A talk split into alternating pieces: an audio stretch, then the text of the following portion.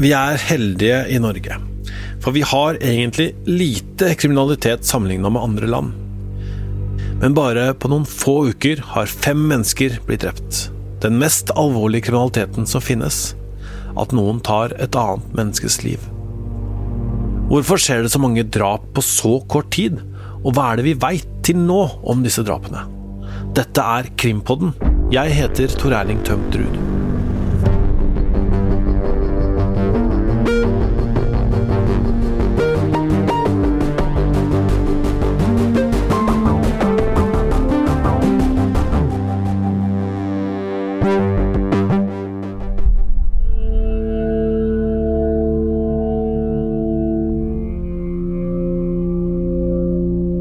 Januar gikk. Februar og mars var stille. Først 12. april skjer det første drapet i Norge i 2021. Det smeller i et rolig boligområde på Røa i Oslo. Var ikke det der skudd? sier en av naboene. En kvinne løper fort av stedet. En mann blir igjen, og han blir seinere pågrepet og sikta for å ha drept sin egen far, den kjente advokaten Por Kjærvik. Sønnen til den kjente forsvarsadvokaten Tor Kjærvik er siktet for drapet på faren og drapsforsøk på farens samboer. Sønnen ringte selv til politiet og meldte seg. En forseglet ytterdør er det eneste som vitner om det som skjedde i det ellers rolige nabolaget på Oslo vest i går kveld. 70-åringen ble skutt i sin egen leilighet, og sønnen har i avhør sagt at han knytter seg til handlingen. Krimkommentator Øystein Millie, hva betyr det egentlig? Nei, Det betyr jo enkelt uh, at han bare sier at han har skutt, og at det er han som uh, fysisk er gjerningsperson. Og så er det jo et spørsmål nummer to, og det er jo om han erkjenner straffskyld. Og det har han ikke tatt stilling til. Hvorfor ikke det? Det kan jo være ulike årsaker til uh, at folk ikke erkjenner eller tar stilling til straffskyld kort tid etter et drap. I denne saken handler det jo om hans psykiske helse. Han er vært eh, ja, underlagt eh, rettspsykiatriske undersøkelser eh, og hatt oppfølging helsemessig siden han ble pågrepet. Og helsetilstanden hans er, så vidt vi vet, utfordrende. Og da betyr det at han ikke har kunnet ta stilling til det spørsmålet. Hva veit vi nå om hvorfor Tor Kjærvik ble drept? Om det er det vel det å si at det verserer to forskjellige kall det versjoner.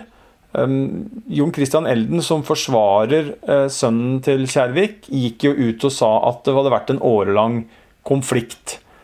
Så uh, ble det tilbakevist av bistandsadvokat Ellen Holager Andenes. Altså hun er bistandsadvokat for samboeren til Tor Kjærvik. Og også familiemedlemmer av Tor Kjærvik gikk ut og sa at de kjente seg ikke igjen i den beskrivelsen. At det hadde vært noen form for konflikt som Elden eh, omtalte det som. Så der må vi vel bare oppsummere at vi ikke vet helt hva som eh, er et eventuelt bakteppe, men at det er jo noe etterforskningen nå skal kartlegge. Eh, og så får vi kanskje et svar på det etter hvert. Ja, f.eks. Hvis, altså hvis denne saken kommer til rettssak, så vil vel dette komme opp? Det vil det. Da, da vil det bli et tema. Uh, om det hvilken grad det var uh, noe foranledning. Det er jo alltid viktig i enhver uh, drapssak. det eneste vi vet her, er jo at sønnen hadde tatt kontakt med faren sin og, sagt at han skulle komme. Og så hadde han da med seg et våpen. Og i løpet av besøket i huset til Tor Kjærvik og, samboeren hans, så, så, så, gikk jo disse skuddene av, og, og det er da denne sønnen som har avfyrt de skuddene. Og så får vi avvente og se hva som, hva som skjer videre, uh, med tanke på om han er strafferettslig tilregnelig. Det er jo et spørsmål. Uh, og så får vi se hva slags svar vi kan få på hvorfor denne forferdelige tragedien skjedde.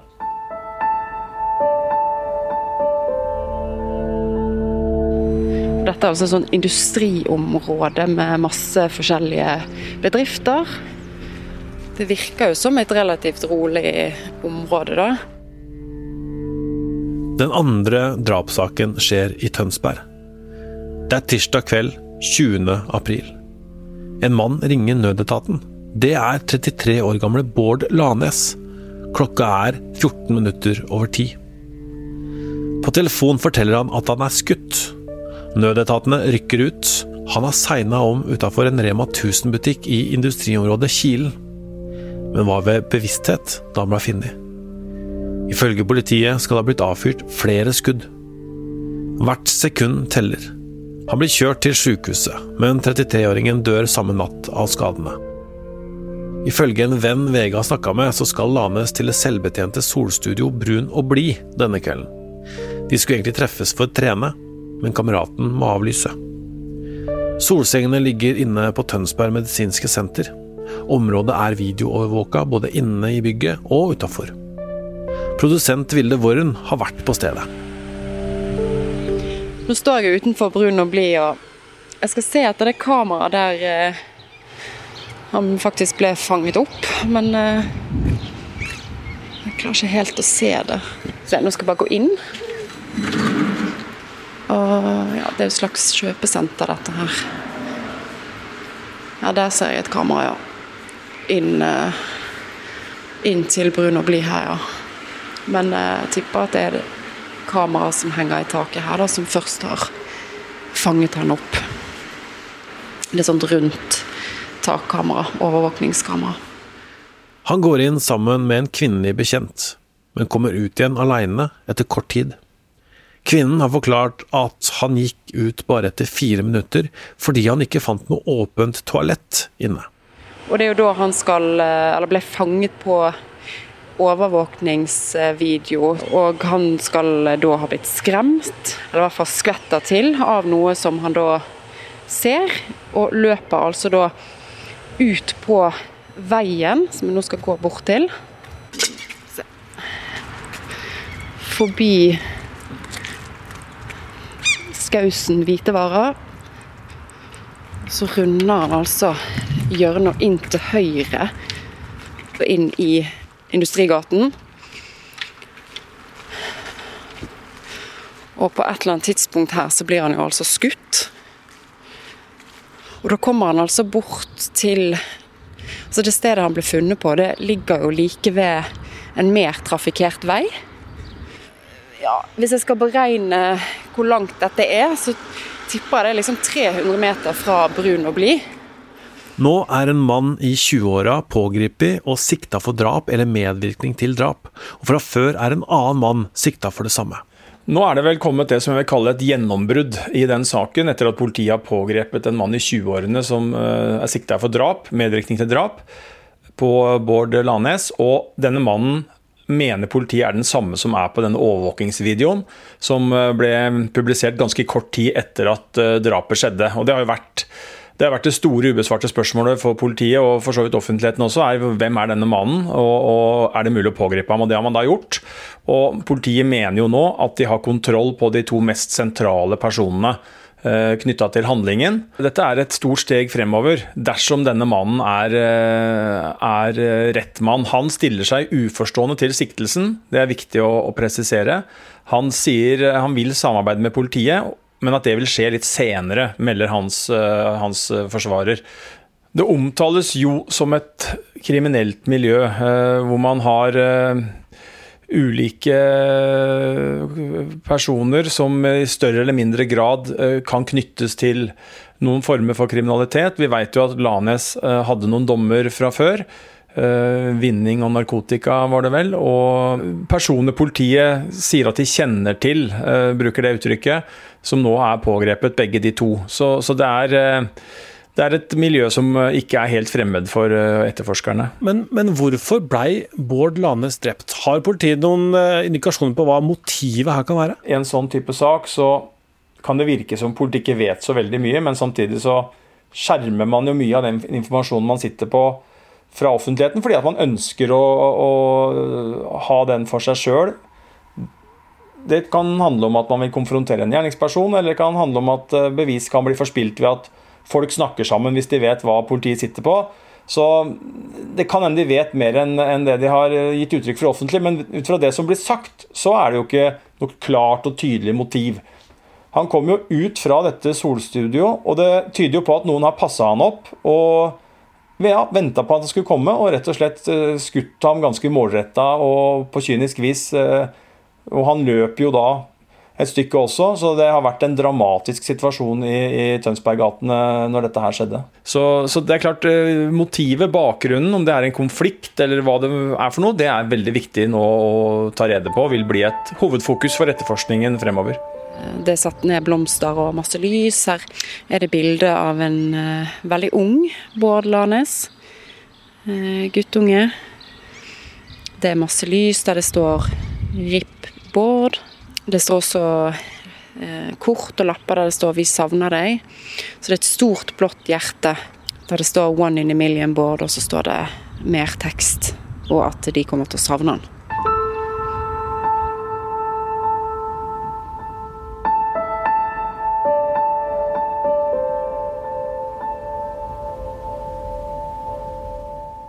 Faller 42 år gamle Renate Strand Nordmann og slår hodet sitt slik at hun dør?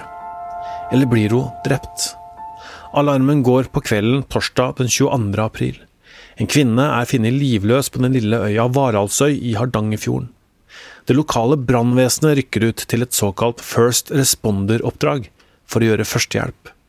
De gjør alt de kan for å gjenopplive Renate, men hun blir til slutt erklært død på stedet. Politiet finner en gjenstand de mener kan være forenlig med vold, og har sikta en mann i 40-åra men han sier at han ikke har vært i noe basketak med henne, og at hun må ha falt.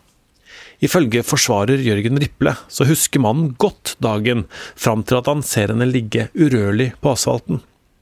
Etter det er han usikker på tid, hva han gjør og hva andre gjør, sier forsvareren. Han erkjenner ikke straffskyld. Ifølge TV 2 skal mannen som nå er sikta for drapet på Renate Strand Nordmann, være anmeldt for vold to ganger av en tidligere samboer sist for et år sia. Begge sakene ble henlagt.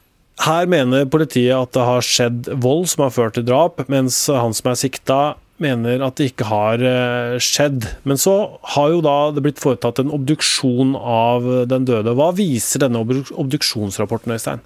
Den viser jo at hun har blitt påført hodeskader som eh, ikke er forenlig med et fall.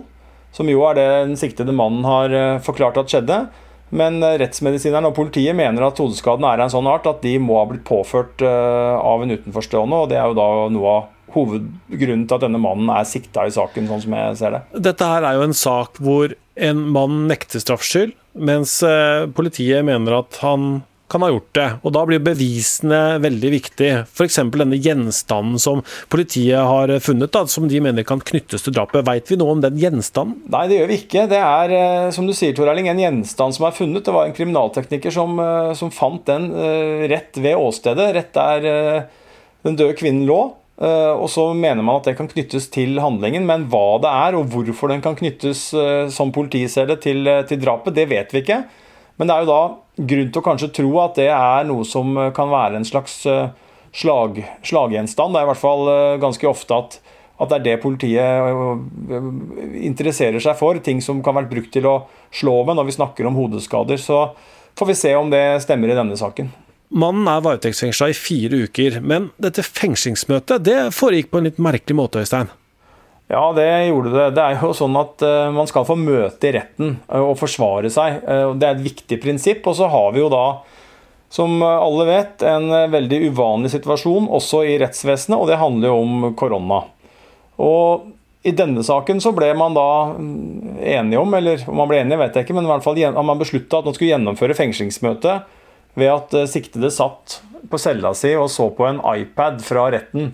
Det viste seg å være fullstendig umulig. Eh, han kunne ikke høre hva som ble sagt. Og Dermed så måtte man eh, en, eh, ta en stans, og så ble han overført til et videorom. og Det ble da, etter det forsvareren sier, tilfredsstillende forhold sånn rent te teknisk sett. Men det er klart, det er forskjell på å sitte og være i rettssalen og kunne ha muligheten til å forsvare seg og følge de rettsforhandlingene som til de grader angår deg sjøl. Og det å sitte da i et fengsel eh, mange mil unna, kanskje, med et, eh, et videorom og, og, og, følge med på det som skjer, så det er ikke, det er ikke helt uh, ideelt, for å si det forsiktig, men, uh, men det var vel den måten man måtte gjøre det på, følte man, pga. korona og smitte, smittesituasjonen. Og så er det jo det å si at uh, det var jo flere som fulgte dette fengslingsmøtet. Det gjorde også Renate Strand Nordmann sin sønn, en 22 år gammel mann. Og han eh, syns jo forklaringa til den siktede var eh, litt merkelig, sier hans bistandsadvokat. Så dette er vel en sak som eh, politiet nå etterforsker for fullt, og så får vi se om vi får noen klare svar på hva som har skjedd, hva som er merkelig med den forklaringa som han har gitt, sånn som sønnen ser det. Og så kanskje vi får vite hva denne gjenstanden er, og om det kan knyttes til drapet, eller om det viser seg å være en hypotese som faller i løpet av etterforskningen som kommer fremover. I en skrent over Spanias ambassade ligger det et stort, uferdig boligprosjekt. Prosjektet vi snakker om nå, skulle bli en gigantvilla. 895 kvadratmeter på fire plan. Med badebasseng, filmrom, trimrom. En boligdrøm for en familie.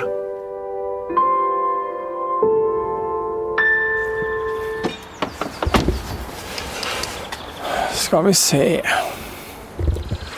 nå befinner jeg meg i eh, det vi må kunne kalle er et av eh, byens, Oslos, mest fasjonable strøk.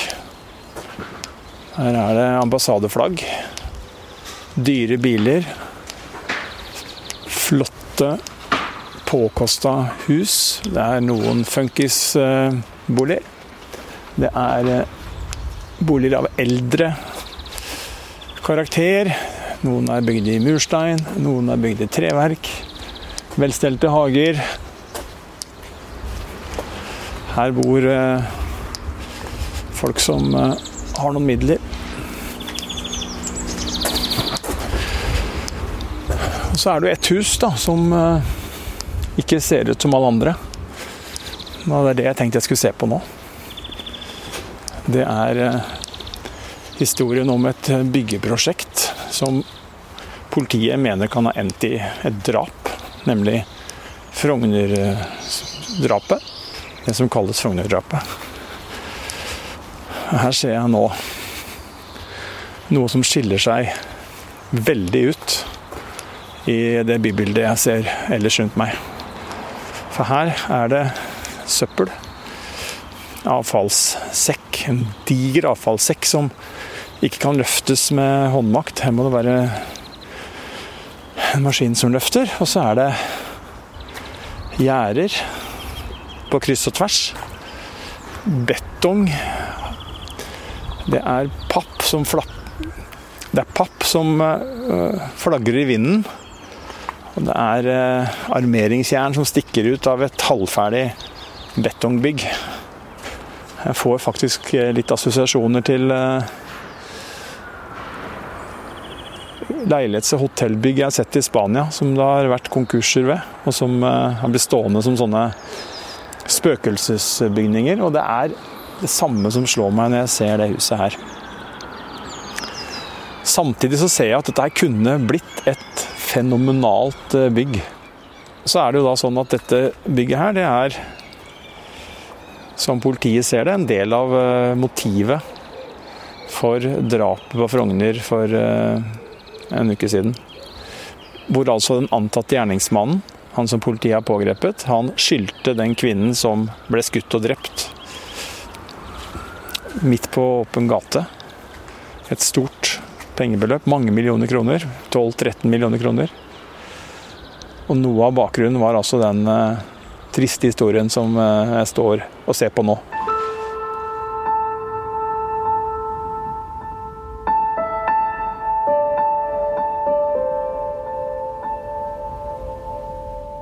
Dere husker kanskje fra noen episoder siden da vi dekka drapet på Frogner, og VGs krimkommentator Øystein Milli reiste til åstedet. Har det faktisk skjedd et uh, nytt drap? Det har jo vært flere drap nå på kort tid. Det var klokka 08.27 politiet i Oslo fikk inn melding om hva som hadde skjedd. Store politistyrker rykker ut sammen med ambulansepersonell. På fortauet ligger 50 år gamle Fevsie Kaja Sørebø, skutt på åpen gate på Frogner. Det viser seg raskt at livet ikke kan reddes. Den antatte gjerningsmannen har stukket fra stedet. I, I, dette drapet så blir relasjonen mellom den drepte kvinnen og den siktede mannen i 30-årene viktig. Eh, hva vet vi om den relasjonen, Øystein? Først og fremst kan vi si at den relasjonen Det er ofte en relasjon mellom et offer og en antatt gjerningsmann i en drapssak.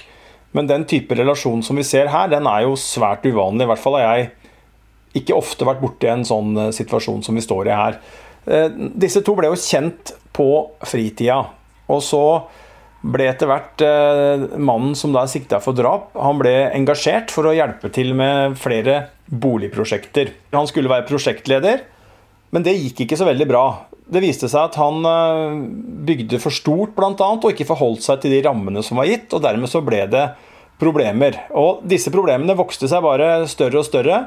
Og etter hvert så endte det da i rettssalen. Eh, og der ble jo han idømt eh, å betale en erstatning på 12-13 millioner kroner til, til, kvinnen som nå er drept, og hennes familie.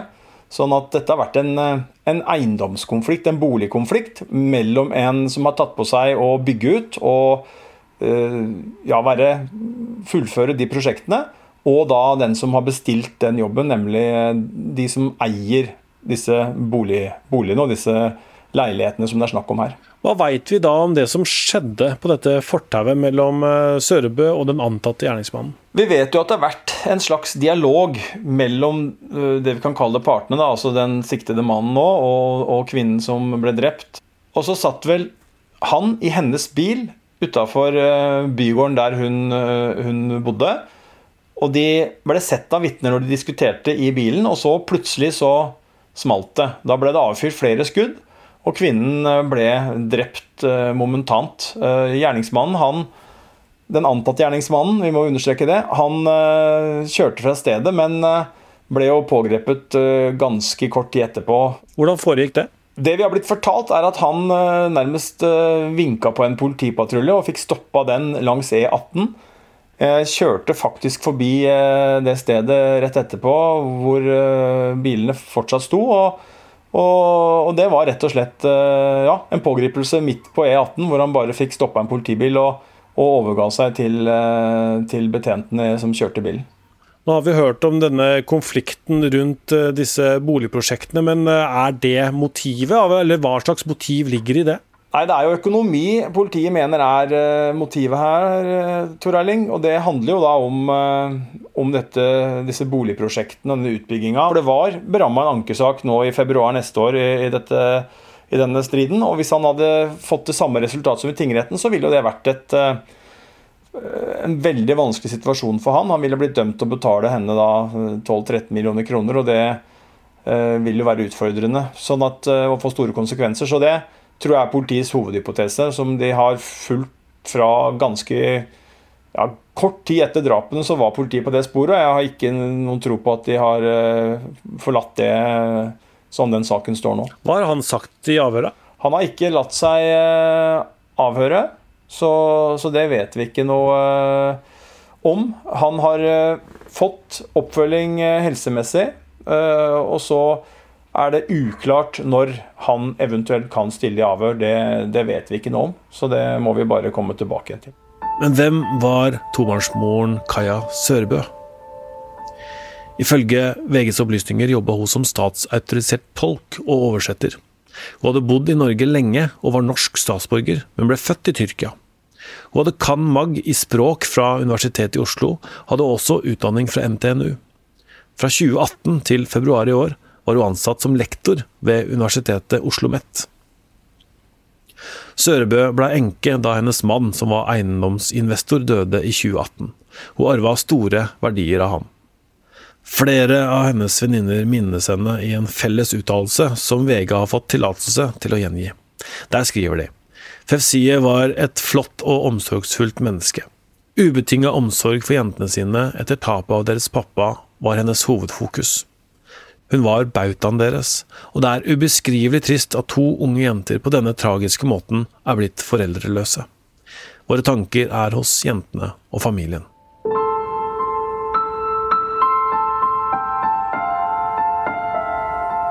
Så skjer det igjen. Like etter klokka ti mandag kveld denne uka får politiet melding om at en person er utsatt for alvorlig skade i Halden. De rykker ut med flere patruljer. Livreddende førstehjelp blir satt i gang i leiligheten i Halden sentrum.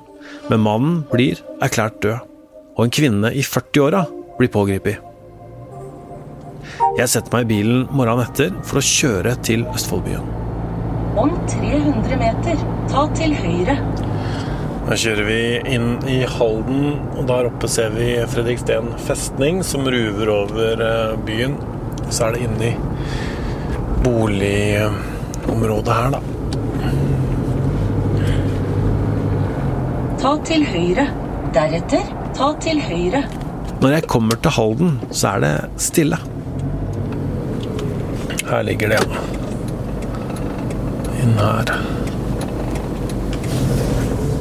Det viser seg at det var kvinnens bursdagsfeiring denne kvelden, og at det er broren hennes som er drept. Moren deres var vitne til det hele. Hva som har skjedd i denne leiligheten, blir det nå opp til politiet å finne ut. Natasha Hammerød er en av naboene i Halden, og hun reagerte på det hun mente var høy prating. Jeg kunne ikke oppfatte hva de sa, men jeg hørte at lydnivået var høyere enn jeg har hørt noen gang. da. Og jeg har jo prata litt med de som eide leiligheten før, og jeg vet hvor høyt vi måtte skrike for å høre hverandre tvers over. Sånn at eh, jeg reagerte på det, og så som sagt var jeg inne igjen en tur, og når jeg da kom ut igjen for å ta meg en røyk, så hadde jeg bare liksom satt meg ned, og så kommer disse tre desperate ropene, og jeg, og jeg kunne ikke Først så tenkte jeg, fordi at de har jo denne uh, brannstigen på utsiden, at kanskje noen hadde ramla på utsiden, eller at det hadde skjedd et eller annet, at noen hang fast i den og ropte om hjelp. Uh, men jeg så jo ingen der borte, liksom. Men var, var balkongdøra åpen? Ja. Ja. Og da skal du rope bra høyt.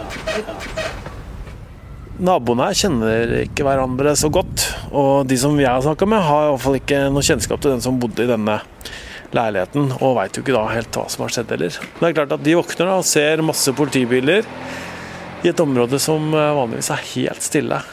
Så da blir de litt eh, skremt, forteller de til meg. Politiet fant en kniv i leiligheten, som kvinnen som erkjenner drapet, sier at hun har brukt. Fem drap på få uker. Hvorfor kommer disse drapene så tett, Øystein? Er det en drapsbølge? Nei, Det er nok helt tilfeldig. Eh, Det har jo ikke vært noen eh, drap i Norge de første ja, drøyt tre månedene, og så kommer det som du sier fem drap på en måned. Men, eh, men det er helt tilfeldig. Disse drapene har alle hver sin forklaring, hver sin bakgrunn. Og det er ikke noe grunn til å si at det er noen sammenheng. Og, og sånn statistisk sett så er det jo rundt pluss-minus 30 drap i Norge i året. Og, og da vil det kanskje avhenge litt av når på året de dukker opp. Og av og til kan det være færre, av og til kan det være flere. Men, eh, men det er rett og slett, eh, og det mener ekspertene også, helt tilfeldig. Det tok mange måneder da før det første drapet skjedde. Kan det ha noe med koronasituasjonen å gjøre? Det vet vi jo ikke, og det får vi jo nesten se. Og kanskje er det noen som kommer til å kikke nærmere på det. Det forskes jo og undersøkes så mye rundt korona, og dette med kriminalitet eh, vil helt sikkert også bli et tema for noen etter hvert. Og så er det jo sånn at eh, det kan hende man eh, Altså Selv om vi treffer hverandre mindre fysisk, så er det jo en del drap statistisk sett som skjer i nære relasjoner. Så om det blir noen nedgang når vi kommer til årets slutt, det får vi, det får vi avvente og bare se. Vi kommer sammen med våre kolleger i VG til å følge alle disse sakene videre. Har du tips eller vil komme med tilbakemelding til oss, så send oss gjerne en mail på krimpodden at vg.no, eller på Facebook-gruppa vår. Produsent for Krimpodden er Vilde Våren. Øystein Milli er med. Jeg heter Tor Erling Tømt Ruud. Musikken er laga av Ronny Furuvik, og teknisk ansvarlig er Magne Antonsen. Sven Arne Buggeland, Hanne Haug Røseth, Kristina Kvist, Gordon Andersen, Odne Husby Sandnes, Synne Eggum Myrvang, Oda Ording og flere i VGs redaksjon har bidratt til journalistikken i denne episoden.